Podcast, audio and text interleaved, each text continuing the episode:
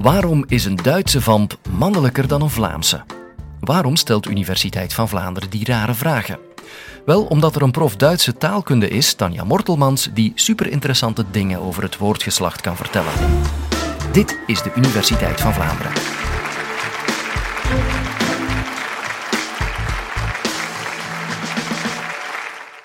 Waarom is de Duitse vamp mannelijker dan een Nederlandse vamp? Ik herhaal de vraag omdat ze eigenlijk een beetje misleidend is. Ik heb het niet zozeer over de persoon van de vamp, daar kan ik niks over zeggen, ik ben een taalkundige, maar wel over het genus van het Duitse woord vamp.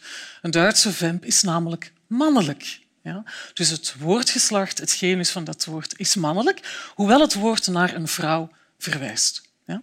Dus dat is al meteen heel belangrijk. Hè. Daar ga ik het over hebben, over genus. We moeten meteen een heel duidelijk onderscheid maken tussen woordgeslacht en biologisch geslacht. Die twee hoeven niet met elkaar overeen te stemmen. Een voorbeeld uit het Nederlands dat iedereen kent. Het woord meisje. Het meisje is onzijdig, heeft een neutraal genus, hoewel het natuurlijk naar iemand van het vrouwelijke geslacht verwijst. Dus je krijgt hier een conflict woordgeslacht, uh, biologisch geslacht. Welk genus een woord heeft, zien we eigenlijk niet aan het woord zelf. Aan het woord lepel kan ik niet zien of het de lepel of het lepel moet zijn. Het genus van het woord zien we aan woorden die met dat woord overeenstemmen. Bijvoorbeeld lidwoorden in het Nederlands, de lepel en niet het lepel. Ja? Um, nu, het Nederlands, ja, ik heb het al als voorbeeld uh, uh, gebruikt, is een taal met genera. Nu, over het aantal genera kan je discussiëren. Als je alleen naar de lidwoorden kijkt, zou je zeggen het zijn er twee. Je hebt de woorden en het woorden, de man, de vrouw, het kind, het boek. Maar als je naar persoonlijke voornaamwoorden kijkt, en dat zijn ook woorden die met het genus van een substantief overeenkomen, zou je kunnen zeggen dat er drie genera zijn. Namelijk de man, hij, maar misschien ook de muur, hij, de vrouw, zij, voor de eh, mensen die eerder Vlaams spreken, misschien ook de soep, zij. Ja? En het boek, het. Dus hij, zij, het. Dus als je naar de lidwoorden kijkt, zijn er twee.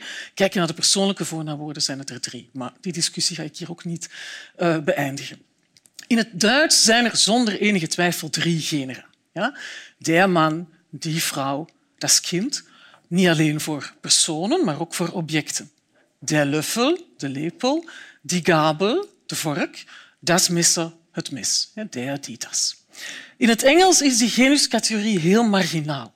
Als je kijkt naar de lidwoorden, ja, je hebt gewoon the en daar heb je the man en the book en the woman en the child en, the sea en wat dan ook. Je hebt die ene vorm the, dus er is geen congruentie met een lidwoord.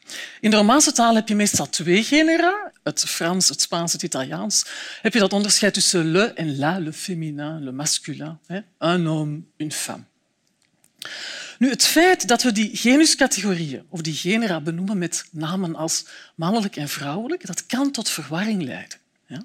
We zijn namelijk geneigd om woordgeslacht en biologisch geslacht gelijk te schakelen. Om te denken, ja, genus en biologische seksen, dat is min of meer hetzelfde. Dat is natuurlijk niet echt problematisch in die gevallen waar die overeenstemmen. Een homme, het woord is mannelijk en het verwijst naar een biologisch mannelijk persoon. Een femme of een vrouw in het Duits is vrouwelijk. Het verwijst ook naar een vrouwelijk persoon, geen probleem.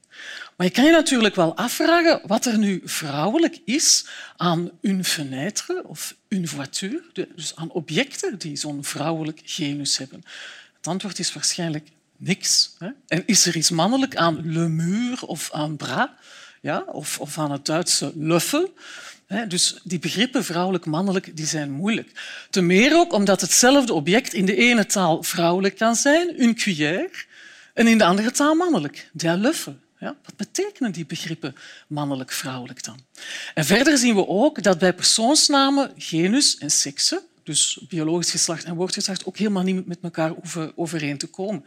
Ik heb al een voorbeeld genoemd, der Vamp in het Duits. Hij verwijst naar een vrouw, zonder enige twijfel, maar het woord is toch mannelijk. Of omgekeerd, die majesteit is een vrouwelijk woord, dus heeft een vrouwelijk genus. Maar je kan zeggen, onze majesteit, koning Filip. Ja, dus met majesteit, kan je naar een mannelijke persoon verwijzen. Dus genus en sekse die hoeven zelfs bij persoonsnamen niet overeen te komen. Nu, het feit dat dus genus eigenlijk wel een moeilijke betekenis heeft, dat dat dubbelzinnig is, dat men eigenlijk niet heel goed weet wat genus nu eigenlijk doet, heeft linguisten die zich met de problematiek hebben bezighouden ertoe gebracht om te zeggen dat genus een van de meest raadselachtige linguïstische categorieën is. Dat is eigenlijk een uitspraak van Greville Corbett. Gender is the most puzzling of the grammatical categories. Greville Corbett is een Engelse linguist die heel veel over genus en genus in de talen van de wereld geschreven heeft. Hij heeft niet alle talen van de wereld onderzocht, er zijn er 7000, dat is veel te veel.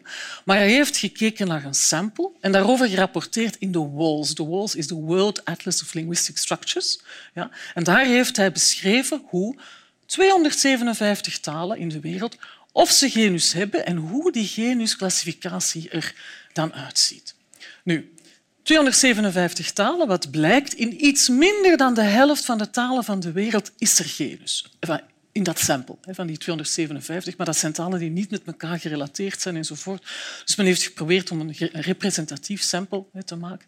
En in iets minder dan de helft is er genus, dat wil zeggen iets meer dan de helft eh, van de talen heeft geen genus. Dus die hebben niet zo'n soort nominale klassificatie.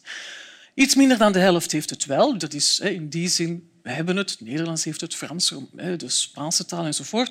Dus het is niet iets heel exotisch. Nu, als we gaan kijken hoe dat genus eruit ziet, dan zie je dat de meeste talen met genus twee genuscategorieën hebben. Zoals het Frans. Ja? Het Frans, waar je dus dat onderscheid maakt tussen un homme, une femme, dus waar sekse, biologisch geslacht, een criterium is, maar waar ook een voiture een genus krijgt, een vrouwelijk genus, en un train, un mur, een mannelijk genus. In die talen met twee genera die hoeven zich niet zo te gedragen zoals het Frans. Een mooi voorbeeld is het Diari. Dat is een Australische aboriginal taal die ook twee genuscategorieën heeft en waar de, het vrouwelijke geslacht een belangrijke rol speelt. Dat wil zeggen, in de ene genuscategorie zitten alle vrouwen en vrouwelijke dieren. Dat is de ene categorie. En in de andere zit de rest de mannen, de dieren, de abstracta, de objecten enzovoort. Dus talen kunnen het op een heel aparte manier doen. Dan zijn er talen met drie genuscategorieën. Ik heb het Duits al genoemd, drie genera, mannelijk, vrouwelijk, onzijdig. En opnieuw, zowel personen als objecten kunnen in die verschillende genera eh, terechtkomen. Zoals het Duits eh, heeft ook het Pools bijvoorbeeld drie genera, of het Russisch heeft ook drie genera. En dan, nog een stapje verder, een eh, kleine groep talen heeft vier genera. En een van de eerste talen met vier genera die eh, beschreven zijn en waar toen eh, in de jaren 70 veel om te doen was, omdat het zo'n exotische genusclassificatie was, was het dierbal. Ja? Dierbal in de jaren 70, zoals ik zei, beschreven door uh, Bob Dixon, Amerikaanse linguist opnieuw een Australische Aboriginal language of Aboriginal taal wellicht op dit moment uitgestorven. Want in de jaren 70 kon Dixon nog een aantal 60-jarige sprekers ondervragen. Maar uh, die mensen zijn ondertussen waarschijnlijk allemaal... En het waren er heel weinig, hè, dus die taal wordt waarschijnlijk niet meer gesproken. Maar wat zie je? In het dierbal heb je een categorie waar de mannen in zitten, uh, maar ook een aantal dieren zoals slangen. Ja? Uh, kangoeroes, het is een taal die in Australië gesproken wordt. Dus de mannen, de slangen, de kangoeroes en de maan, die zitten in de eerste genuscategorie. In de tweede genuscategorie heb je de vrouwen. Um, uh, een aantal dus, honden zitten daar ook in. water, vuur, gevaarlijke dingen zoals schorpioenen en de zon. Ja? Dat is ook heel mooi, dat onderscheid. Dus categorie 1, daar zit de maan in. En de zon zit in een andere genuscategorie. Dat kennen we ook uit onze talen. Hè.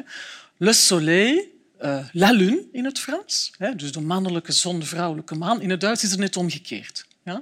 Ja. Mond mannelijk en die zonne vrouwelijk. Hè. Maar het is wel interessant, want ze staan allebei aan de hemel, maar ze, worden toch in andere, als, ze krijgen een ander genus toegewezen. Dan het derde, eh, de derde genuscategorie in het dierbal. Eh, dat zijn eh, groenten en fruit en de planten waaraan die hangen. En de vierde categorie is een soort restcategorie waar, waar onder andere lichaamsdelen in zitten. Maar dat spiegelt toch een soort van ja, conceptuele klassificatie eigenlijk weer. En dan heb je nog een groepje talen waarin er tot ongeveer twintig genera zitten. Dat zijn onder meer de Afrikaanse Bantu-talen. Dus een hele ingewikkelde klassificatie, dat kan ik hier ook helemaal niet uit de doeken doen. Maar waar je bijvoorbeeld een categorie 1 hebt waar de menselijke wezens in zitten, en dan heb je zelfs een categorie voor lange, dunne voorwerpen, of voor talen, of voor abstracta. Ja? Wat heel interessant is, in het Bantu, met die vele genuscategorieën, zie je dat geslacht geen rol speelt. Dus er wordt niet onderscheiden tussen mannen en vrouwen, wat het genus betreft. Mannen en vrouwen zitten in de eerste categorie van de menselijke wezens. Vatten we even samen. Wat hebben we tot nu toe geleerd? Dat woordgeslacht niet hetzelfde is als biologisch geslacht. Ook objecten kunnen een geslacht krijgen, kunnen mannelijk, vrouwelijk, onzijdig zijn.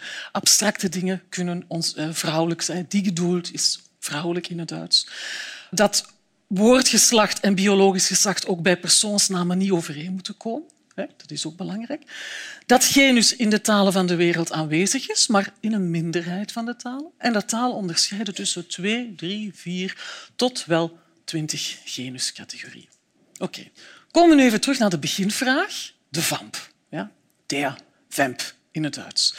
Ik heb gezegd, de vamp is dus mannelijker, der vamp is mannelijk. En natuurlijk, dat mannelijk lidwoord wijst al in die richting. Het Nederlandse vamp, de vamp, de, is niet echt mannelijk of vrouwelijk. Hè. Dus er wordt echt niet onderscheiden tussen mannen of vrouwen. Der vamp, dat lidwoord, is een mannelijk lidwoord. Maar er zijn nog andere elementen die erop wijzen dat die vamp eigenlijk mannelijk is. In het Duits, en dat is een interessant verschil met het Nederlands, kan je met het bezittelijk voornaamwoord naar vamp verwijzen. Ja. In het Nederlands zou je zeggen de vamp ontdekt haar passie voor chocola of zoiets. Ja. In het Duits kan je, kan je kiezen, kan je zeggen de vamp ontdekt ihre Leidenschaft voor chocolade. Ja, dus de vamp ontdekt haar passie. Maar je kan ook zeggen de vamp ontdekt zijn Leidenschaft voor chocolade. Waarbij je dus eigenlijk het mannelijk bezittelijk voornaamwoord krijgt dat correspondeert met het genus van dat mannelijke woord. En dan nog een derde argument dat erop wijst dat um, de vamp mannelijker is, en dat komt uit de psycholinguïstiek. Het is namelijk gebleken dat het genus van persoonsnamen, dus bijvoorbeeld een mannelijke persoonsnaam, dat het genus toch een invloed heeft op de mentale representatie van dat begrip. Dus in talen met een duidelijke oppositie tussen vrouwen en mannen of tussen een mannelijk en een vrouwelijk genus, zien we dat hoorders, als ze een woord zoals in het Duits, als ze muzika horen of uh, nachbaan, buren, dat ze, dan bij, dat ze daarbij aan mannen denken. En dat ze dus langer, als je proefpersonen een zin voorlegt, dat het langer duurt om die zin te begrijpen wanneer die muzika of die nachban, dus die muzikanten of die buren, wanneer dat vrouwen zijn. Dan duurt dat langer. In het Frans wordt dat effect ook gevonden. In het Engels niet. Ik heb al gezegd, in het Engels speelt genus een heel marginale rol. En als je daar aan proefpersonen zinnen voorlegt met musicians of neighbors, of die neighbors nu naar vrouwen of mannen verwijzen, dat blijkt dan uit de context, dat maakt geen verschil voor het begrijpen van die zin. Dus dat wordt even snel begrepen, hè? precies omdat genus daar een uh, kleine rol speelt in het Duits, hè, dat mannelijk genus leidt ertoe dat mannelijke persoonsnamen meer als mannen hè, zo verstaan worden dat ze naar mannen verwijzen. En dat is ook de reden waarom er in het Duits veel meer gesplit wordt dan in het Nederlands. Daarmee bedoel ik, mannen en vrouwen worden in het Duits vaak apart toegesproken. De Duitse evenknie van Martin Tange zal haar uh, kijkers, of kan haar kijkers toespreken, ze hoeft het niet, maar ze kan het, met liebe Zuschauerinnen und Zuschauer. Ja, dus letterlijk, beste kijksters en kijkers. Ja? Waarom doet ze dat? Omdat die kijkers te sterk alleen aan mannen refereert. Of op de radio of op podcast hoor je lieve Hörerinnen und. Letterlijk beste luisteraarssters en luisteraars. Ja? En ik kan in een e-mail worden aangesproken met geachte mevrouw professor, zeer geëerde vrouw professor. Maar ook, en dat gebeurt eigenlijk vaker, met zeer geëerde vrouw professorin. Dus men gebruikt de vrouwelijke term. Dat is een woord dat in het Nederlands zelfs niet bestaat. Dus, de vamp is mannelijker dan de vamp. Er is het lidwoord, er is de mogelijkheid om met, vamp naar, uh, met, met zijn naar die vamp te verwijzen.